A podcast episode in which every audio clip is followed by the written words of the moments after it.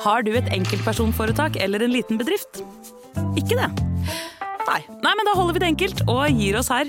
Fordi vi liker enkelt. Fiken superenkelt regnskap. Nå er det påskesalg hos Ark. Du får 30% på påskekrim og 40% på alle spill og puslespill. Jeg gjentar Ark har 30% på et stort utvalg krim og 40% på spill. Det er mye påske for pengene. Så hamstre påskekosen i nærmeste Ark-butikk eller på ark.no. Hvordan er det å leve som kriminell? Nei, Da sprang jo de og så låste seg inn på doet med en eh, brødkniv. Kanskje best å komme seg herifra før det kommer noen. Jeg slo meg gjennom altandøra. Målet med hele greia å selge dop og alt det her, det er jo å leve som han Ola Dunk, skjønner du. Han chiller'n, han går på ferier, han har hita si, han har ditt og det. Det er akkurat det samme vi har lyst på. Hør røverhistorier gratis der du hører podkast. Aske.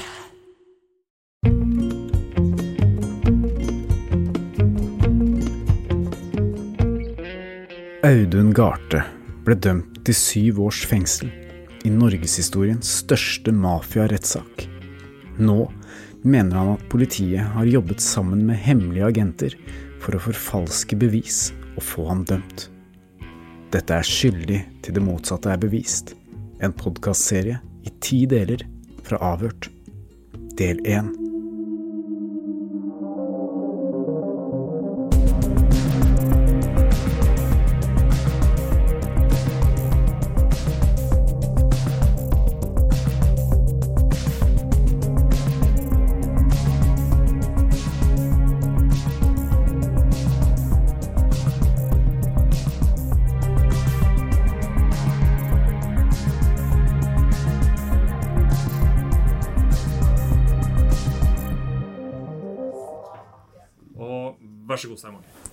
I dag så starter rettssaken mot eh, Audun og eh, Tore og Alf Henrik. Og totalt så er det 13 på tiltalebenken.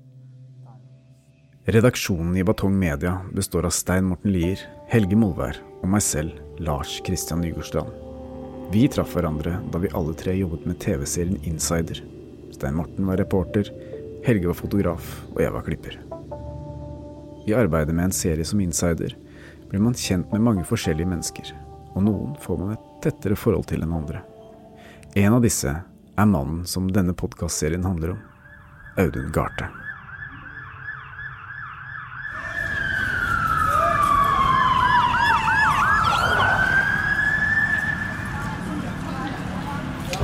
Enda politi! En mann til venstre. Høsten 2015 iverksettes Operasjon Sult. En storstilt politiaksjon hvor flere av landets største kriminelle blir pågrepet. Sentralt blant disse står Nokas-dømte Metkel Betev, Bandidos-leder Lars Harnes og elleve andre. Snart står alle disse tiltalt i norgeshistoriens største mafiarettssak. Blant de tiltalte er Audun Garthe. Sammen med vennen Tore Karlsen og Nokas-dømte Alf Henrik Christensen ble de dømt for å ha forsøkt å smugle 50 kilo hasj fra Nederland til Norge. De tre mennene gjennomførte aldri smuglingen, men det var det noen andre som gjorde. Nemlig dansk politi, som utga seg for å være kriminelle.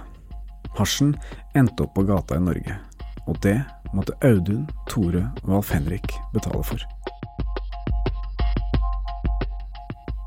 Audun ble dømt til syv års fengsel, men mener selv at han ble utsatt for ulovlig politiprovokasjon, og at hele dommen er et justismord.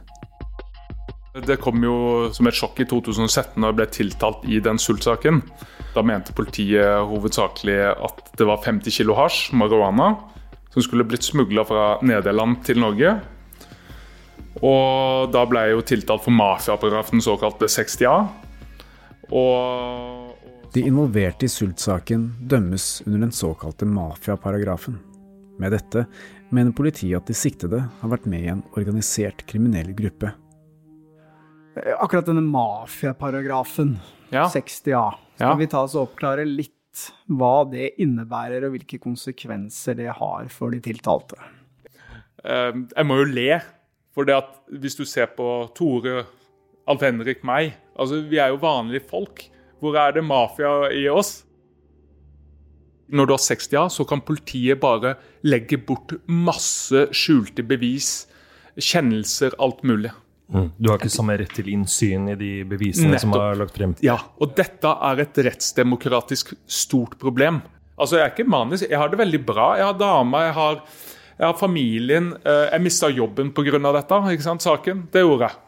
Og det er jævlig trist, for det var den første jobben jeg har hatt i hele mitt liv. Og jeg hadde det jævlig gøy med den. Og når jeg går på treningsstudio, så går folk vekk fra meg fordi at mafia er tiltalt. ikke sant, skjønner du? Folk syns det er skummelt. Og, ja, den, og, det er jævlig trist. Den friheten du nyter nå, den varer vel ikke enig i? Nei, de kan kaste meg inn når som helst, så jeg, jeg går jo bare og Altså venter på et eller annet. Og hvorfor jeg blir dømt, er fordi at det er en bobil som visstnok befinner seg 20 minutter fra den nederlandske grense. Beviset er da en GPS og et, eh, et vitnemål som påstår at den er i Tyskland. Før vi lar Audun fortsette, er vi nødt til å gå litt tilbake i tid.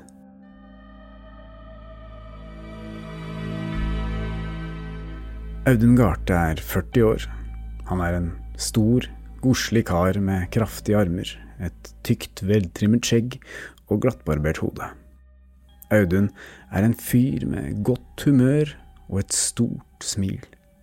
Men det har ikke alltid vært slik.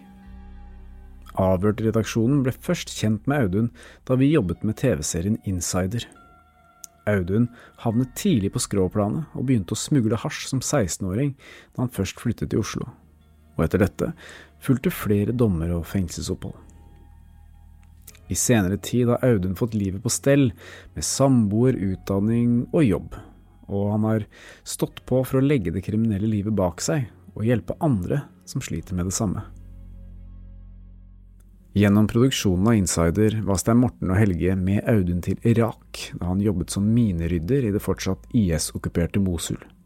Med livet som innsats ønsket Audun å gjøre opp for sin egen fortid ved å hjelpe andre. Men dette ønsket om å hjelpe andre skulle vise seg å by på nye problemer for Audun. Og så blir det da i 2015, i mai-juni, så blir jeg da oppsøkt av en la oss si, en semikriminell i Arendal, som da lokker meg inn i saken. Han skyldte masse penger til kriminelle miljø, eller sterkt kriminelt miljø i Oslo. Og han trengte hjelp, eh, veiledning, hvordan han skulle komme seg ut derfra. Jeg sier først nei. Jeg kan ikke hjelpe noen, jeg, kan, jeg må hjelpe meg sjøl nå. Men så på en måte oppsøker meg oppsøker meg gjentatte ganger. Til slutt jeg blir med på å treffe denne Alf Henrik som har problemet. Mannen som tar kontakt med Audun, han skal vi komme tilbake til senere. Men denne personen som trengte Auduns hjelp, han var ikke en hvem som helst. Alf Henrik Christensen ble i 2006 dømt sammen med David Toska, Kjell Alrik Schumann og resten av ranslaget som ranet Nokas tellesentralen i Stavanger i 2004. Alf Henrik fungerte her som fluktbilsjåfør for ranerne, og ble dømt til elleve års fengsel. Når Alf Henrik blir løslatt fra fengsel noen år senere, sitter han med en gjeld som for ham er umulig å betale. Men han får et lån fra felles Nokas-dømte Metkel Betev. Men å betale tilbake dette lånet blir også vanskelig for Alf Henrik, så Betev gir ham et tilbud. Betev vet at Alf Henrik har lang erfaring med smugling av alkohol og sigaretter, og hvis Alf Henrik kan hjelpe ham med å smugle 50 kilo hasj fra Nederland til Norge med båt, skal han slette denne gjelden. Alf Henrik går med på denne avtalen, men han angrer seg, så han går til Audun for hjelp.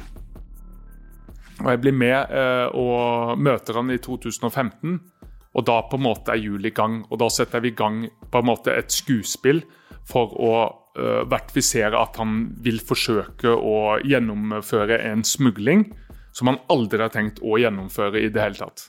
Sammen legger de en plan for å lure BT. De skal gjøre et forsøk på å smugle denne hasjen, men de påstår at de ikke hadde noen planer om å gjennomføre. Sammen skal de bevise for BT at de er verdens mest inkompetente smuglere. To smuglerforsøk med seilbåt, ett forsøk med eh, en bobil, og vi mislykkes. Altså, Det er ganske simpelt eh, skal jeg være helt ærlig, å hente 50 kilo hasj i Nederland. Jeg har mitt kontaktnettverk. Jeg kunne kontakta en tidligere trailersjåfør hvis jeg ville det. Audun har planen klar. Alf Henrik skal seile ut med seilbåten sin et lite stykke utenfor Arendal. Og underveis skal han sende en SMS til BT om at det er for dårlig vær, og at han må snu. Tilsynelatende enkelt. Men BT finner seg ikke i dette, og Alf Henrik må seile ut på nytt. Denne gangen blir Audun selv med, og de forsøker seg på samme unnskyldning på nytt. BT legger mer press på Alf Henrik og Audun, og de forstår at de er nødt til å endre planen. Så Audun rekrutterer sin gode venn og tidligere samarbeidspartner Tore Karlsen. Audun han ble jeg kjent med i forbindelse at jeg ledet han inn som ei livvakt faktisk på en tur til Irak som vi hadde. Så vi ble ganske nære, gode venner på den, den turen der. Det skal jeg ærlig innrømme.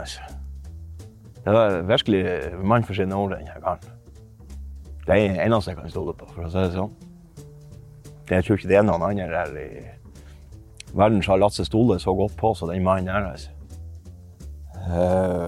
Jeg valgte jo å bli med han Audun en liten tur ut til han, Alf Henrik og prater med han sjøl oppi det hele òg. Og ble veldig fort enig med han Audun om at vi skulle virkelig få til å hjelpe han og gå inn for det. Og da valgte jeg å være med han utover til, til han Alf Henrik og treffe han og prate med han. Jeg fant fort, veldig fort ut at jeg hadde virkelig lyst til å hjelpe den mannen der. Han er en veldig fin fyr. Det ville vært veldig fælt å si nei til å hjelpe en sånn person. Jeg angrer ikke på den dag i dag. Det tror jeg jeg ville ha gjort fra nytt igjen, selv om det hadde blitt en rettssak og alt det her styret. Den 11. juli 2015 setter Tore Karlsen seg i en leid bobil og setter kursen mot Sverige. Samtidig setter Audun seg på et fly til Nederland. Her skulle Audun møte den kriminelle grupperingen som skulle selge hasjen til Betev. Audun skulle sørge for at overleveringen gikk som den skulle. Hasjen skulle fraktes i bobilen. Men det Betev ikke visste, var at Carlsen planla å krasje bobilen et sted i Sverige, slik at dette ble nok et mislykket forsøk. Jeg plukka opp eh, bobilen oppe i uh, Froland, som det kalles. Eh, satte kursen derifra og hjem til meg sjøl nede på Fløyheia, der jeg bodde. Eh, Plukka med meg en sekk med jeg tror det var et par skjorter og ei bukse. Uh, det var vel det jeg hadde med meg. Da Tore kommer til Falkenberg i Sverige, bestemmer han seg for å kjøre bilen av veien. Akkurat nok til at det ser ekte ut, men ikke verre enn at han ikke skader seg selv. Det var rundt Falkenberg-området på natterstid. Det var mørkt. Der man skulle da gjennom på, på jordet og bli stående. Ja, jeg tenkte vel mye på det at det måtte jo være ganske åpent. At jeg ikke plutselig traff ei svær eik eller et eller annet. og Fikk henne plassert midt inni bilen og ble skada sjøl kanskje, eller noe sånt. Jeg skulle jo aldri komme frem, så det var jo det å kunne få genene langt ut på et jorde og bli stående der det gjerne var vått, kanskje myr, og bilen satt på dekkene, at det ikke var noen mulighet Men planen går ikke helt som den skal. Audun ringer Tore og forteller ham at han blir presset av mennene i Nederland. Og Tore ser ingen annen utvei enn å reparere bilen og fortsette ferden. Vi ordna det jo sånn at det var fremdeles ikke nok til å kunne fullføre eventuelt en sånn tur som det andre. Men det var nok for å komme et, et stykke liksom, på vei. Mennene i Nederland gir opp samarbeidet med de håpløse nordmennene. Smuglerforsøket blir avbrutt, og Audun kan reise hjem til Norge. Selv om det var noen skjær i sjøen, var skuespillet de hadde satt i gang overfor BT vellykket. Det var i hvert fall det de trodde. Det ingen av de involverte vet, er at politiet hele veien har fulgt med på bevegelsene til Alf Henrik, Audun og Tore. Fra tidlig i prosessen har de fanget opp all kommunikasjon dem imellom, såkalt kommunikasjonskontroll, eller KK som det heter for de som kjenner sjargongen. Hallo. Hei sann. Hei sann. Eh, jeg fikk melding av tyskeren for fem minutter siden. Ja. Det var helt uh, veldig, veldig Norsk politi har jobbet sammen med undercover-agenter fra dansk politi, og til slutt var det altså disse undercover-agentene som smuglet hasjen til Norge. Politiet mener at disse mislykkede forsøkene på å smugle hasjen var så troverdige og så nær gjennomførelse at det var nok til domfellelse, og alle tre blir dømt. Audun Garte dømmes for overtredelse av straffeloven paragraf 162 første og annet ledd. Audun og Alf Henrik får fengselsstraff, mens Tore, han får samfunnstjeneste.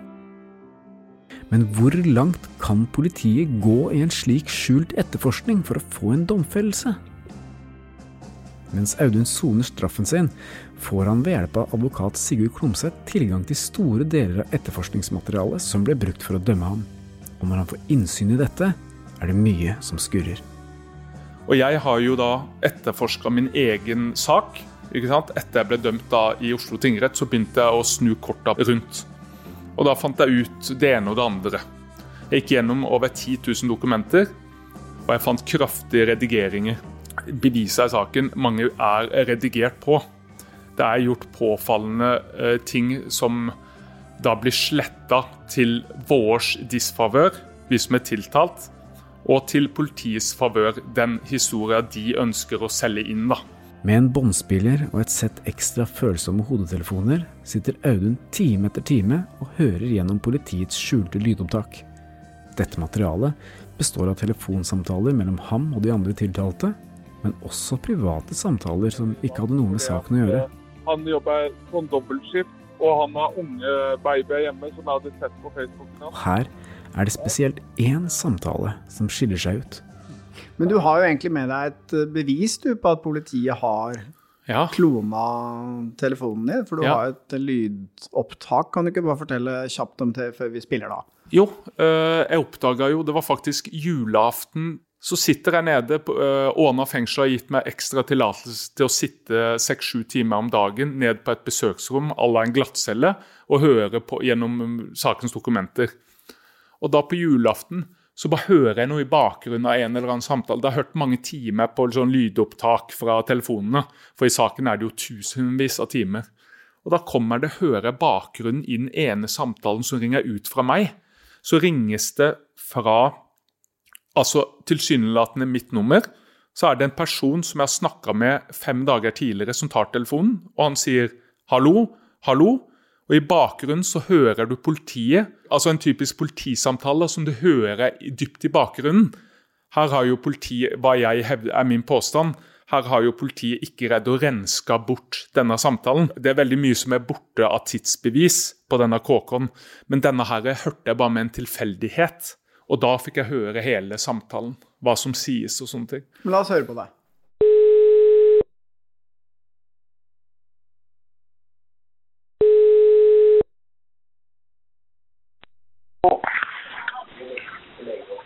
Hallo? Hallo? Er det noen der? Det er riktig, tror jeg. Hallo? Her er det vanlig høyreregel. Da har vi egentlig alt allerede.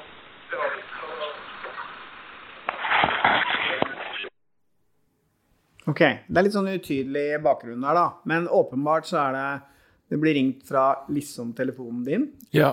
Hvem er det som tar telefonen der? Eh, Det er en, eh, min mor hadde bursdag i, rundt juni 2015.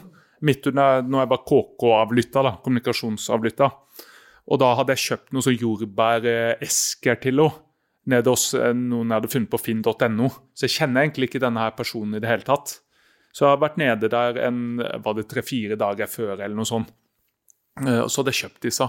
Så det høres ut som dette er en telefon, altså et arbeidsuhell. da. Det er telefonen til politiet. Den, der de har klona min telefon, så har de jo sin egen telefon med mitt samme nummer. Så ligger den i lomma hos en politimann, så har han kommet opp borti knappen. Så hører du dette i bakgrunnen. Det er det jeg antar har skjedd. Og jeg, må, jeg antar at det er et, et arbeidsuhell, da. La oss høre på det lille utdraget en gang til. Hallo? Er det noen der? Ja, det er riktig, tror jeg. Hallo? Her er det vanlig høyreregel. Da har vi egentlig alt allerede. Det har vi. Er det to politimenn som snakker i bakgrunnen? Eller er det noe annet?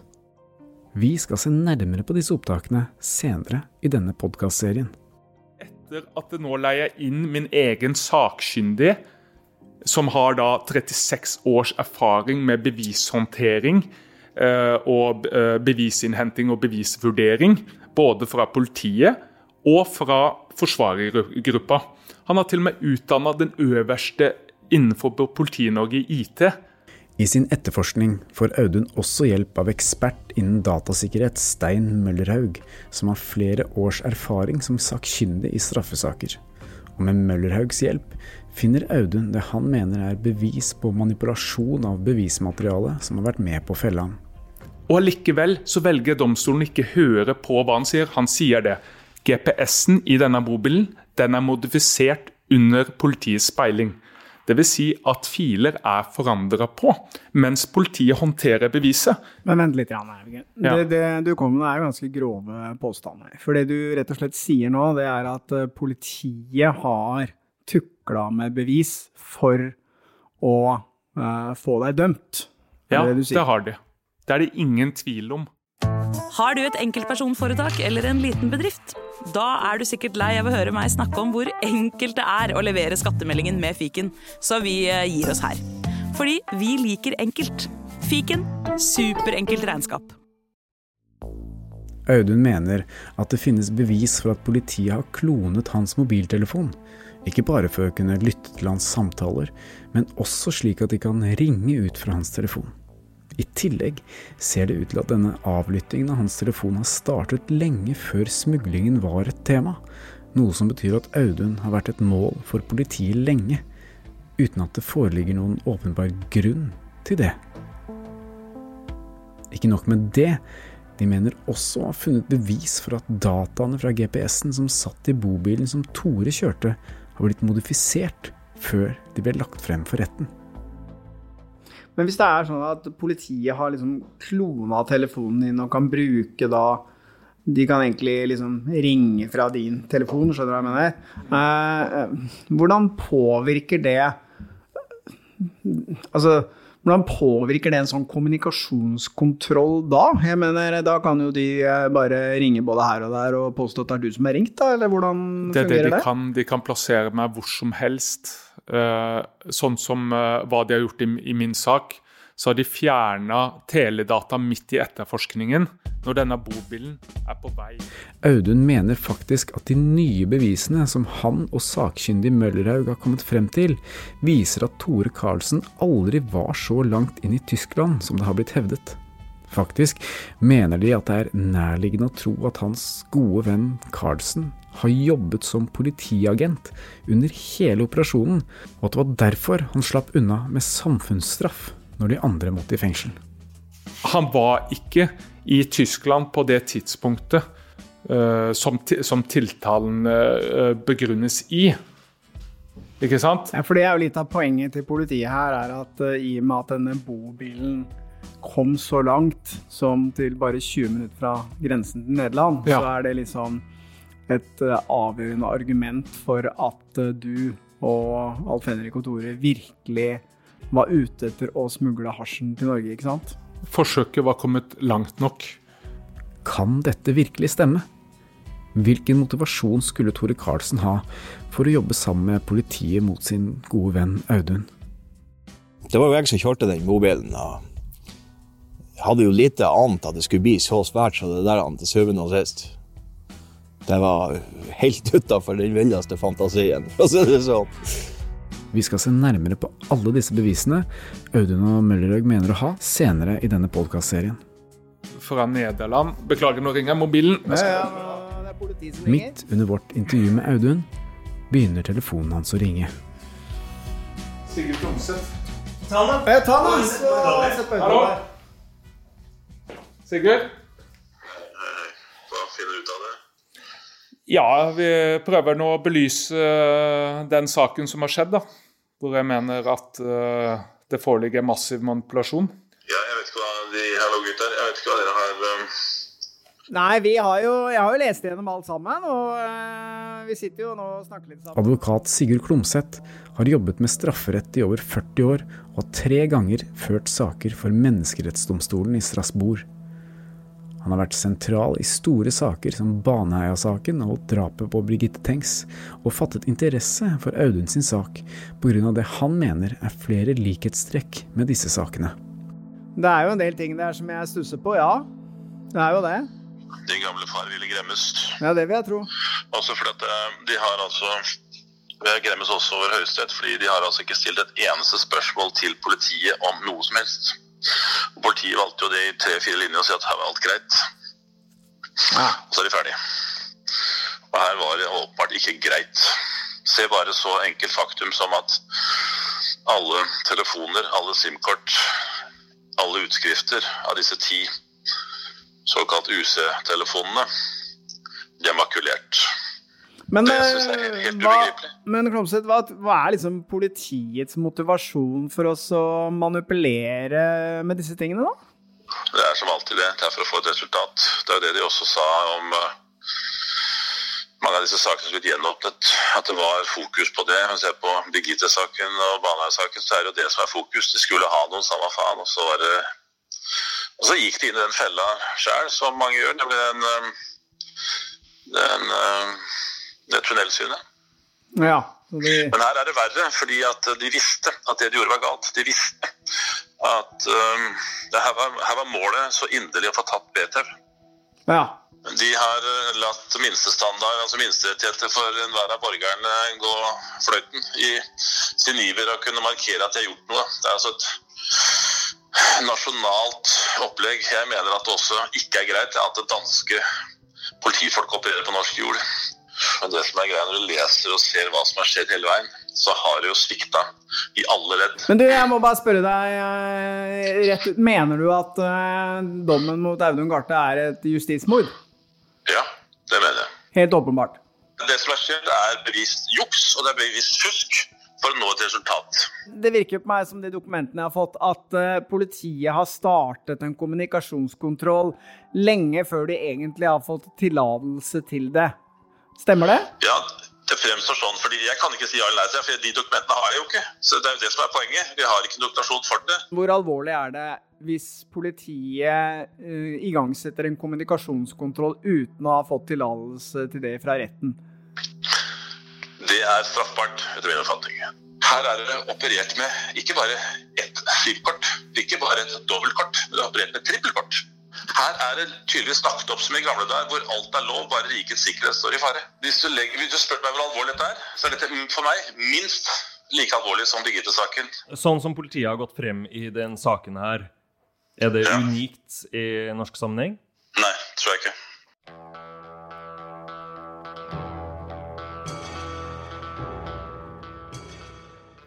Det som er Hvis her er det såpass mange manipulasjoner, ikke bare på ett felt, men på mange felt. Så hvis jeg skulle fått innsyn på alt dette, så ville det ført til fengsel for mer enn to politifolk. Det er helt sikkert, for det er flere som står bak dette. Det er såpass langt at du kan nesten si en sammensvergelse. Det er et veldig brutalt ord å bruke, men dette her er det. Og hvis jeg noen gang skal bli frikjent, så vil det si at jeg kan få dokumentinnsyn. Noe jeg vil benytte meg av og skal benytte meg av. Men de kan ikke gjøre det. Ingen oppover i rettssystemet kan gi meg denne innsynet. For da vil jeg påvise at politiet kan redigere i politiets KK-avlytting. De kan, eh, de kan eh, redigere i teledata som blir brukt i drapssaker, kidnappingssaker, forsvunnete saker. Alt mulig saker som retten alltid skal legge til grunn. De har, de har, lagt den til grunn i 20 år, 30 år. og de, altså, Da vil det si at det kan sette spørsmålstegn med mange, mange tusen kriminalsaker. Altså Konsekvensen av dette, at hvis du klarer å få gjennomslag for at politiet har manipulert med bevisene, kan da også få konsekvenser for en rekke straffesaker og fører da til gjenopptakelse. Mange tusen saker. Mange tusen saker. Ja, Så her står det mye på spill. Hva er det, Hvem er det som blir, blir tiltalt for 60A, og kan 60A kan det misbrukes av påtalemyndigheten til å skjule, redigere bevis? For jeg har funnet redigerte telefonsamtaler som er før politiets KK finner sted i det hele tatt. Og da må jo de som har foretatt denne altså avlyttinga av meg, de må være 100% sikre på at jeg, aldri, at jeg blir dømt til 60A. At jeg aldri får innsyn i den delen av etterforskningen. Men jeg, jeg må bare Det er jo sikkert uh, noen som uh, hører på dette her, som kommer til å, å liksom tenke og si at uh, ja, Audun, du er full av konspirasjonsteorier, og dette her, sånt skjer jo ikke i Norge i en rettsstat, og dette er bare bortforklaringer, for du har jo vært dømt mange ganger før. Hva vil du si til det? Selvfølgelig, min fortid er ikke til min fordel, akkurat. Men jeg håper de da tenker på det, det livet jeg hadde begynt å legge meg. Jeg, hadde, jeg stilte jo opp. Tror du det er for gøy at jeg stiller opp og går til uh, ungdommer, barn, og holder foredrag på skoler? Jobber nede i Irak med minerydding. Altså uh, får etablert liksom livet mitt igjen. Det er ikke for at jeg skal fortsette med kriminaliteten min, men jeg mener det at politi politiet i Norge de utnytter et, et system med folk med dårlig bakgrunn for å på en måte som Sigurd Klomsæt sa i stad i telefonen, det er for å De har en tese, de har en etterforskning på gang, og der bruker de alle brikker de kan. Og jeg er en brikke. Min troverdighet er null i norsk rettsstat. I norsk i domstolene. De visste jo at alt det jeg sier, det er altså Det er bare vas. Audun har jo den bakgrunnen han har. Men hvorfor velger jeg da å stå fram nå? Jeg, jeg, gjør dette fordi at det er ikke riktig. Jeg kjemper med livskamp nå, for jeg hadde slutta med alt. Men jeg blir fanga inn igjen av politiets informanter og ulovlig redigering av bevis, der jeg blir dømt i en straffesak. Og jeg kommer aldri til å gi meg på denne saken her.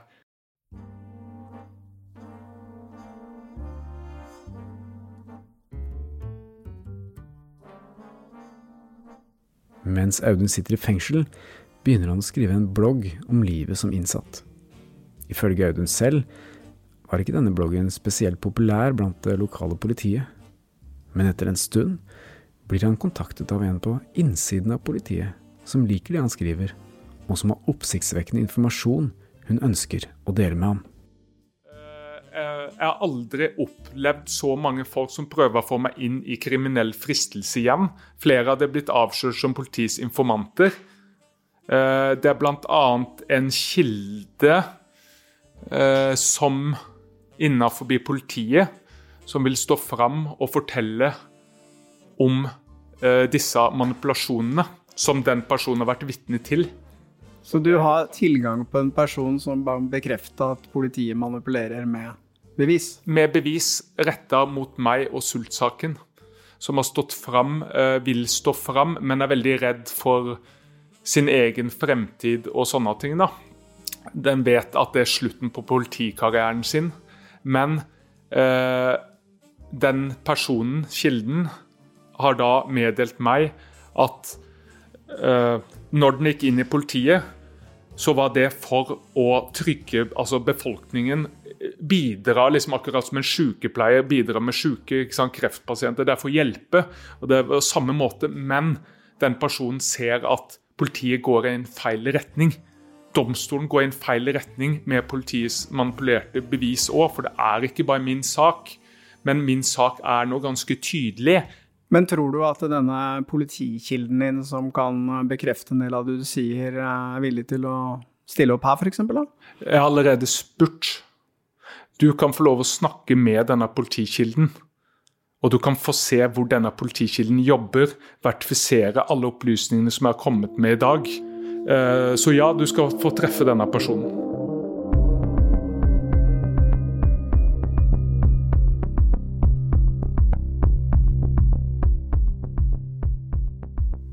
Skyldig til det motsatte er bevist er en avhørt produksjon av Batong Media. Redaksjonen vår består av Stein Morten Lier, Helge Molvær og Lars Christian Nygårdstrand. Temamusikken vår er laget av Altered States, og du finner oss på Facebook som Batong Media.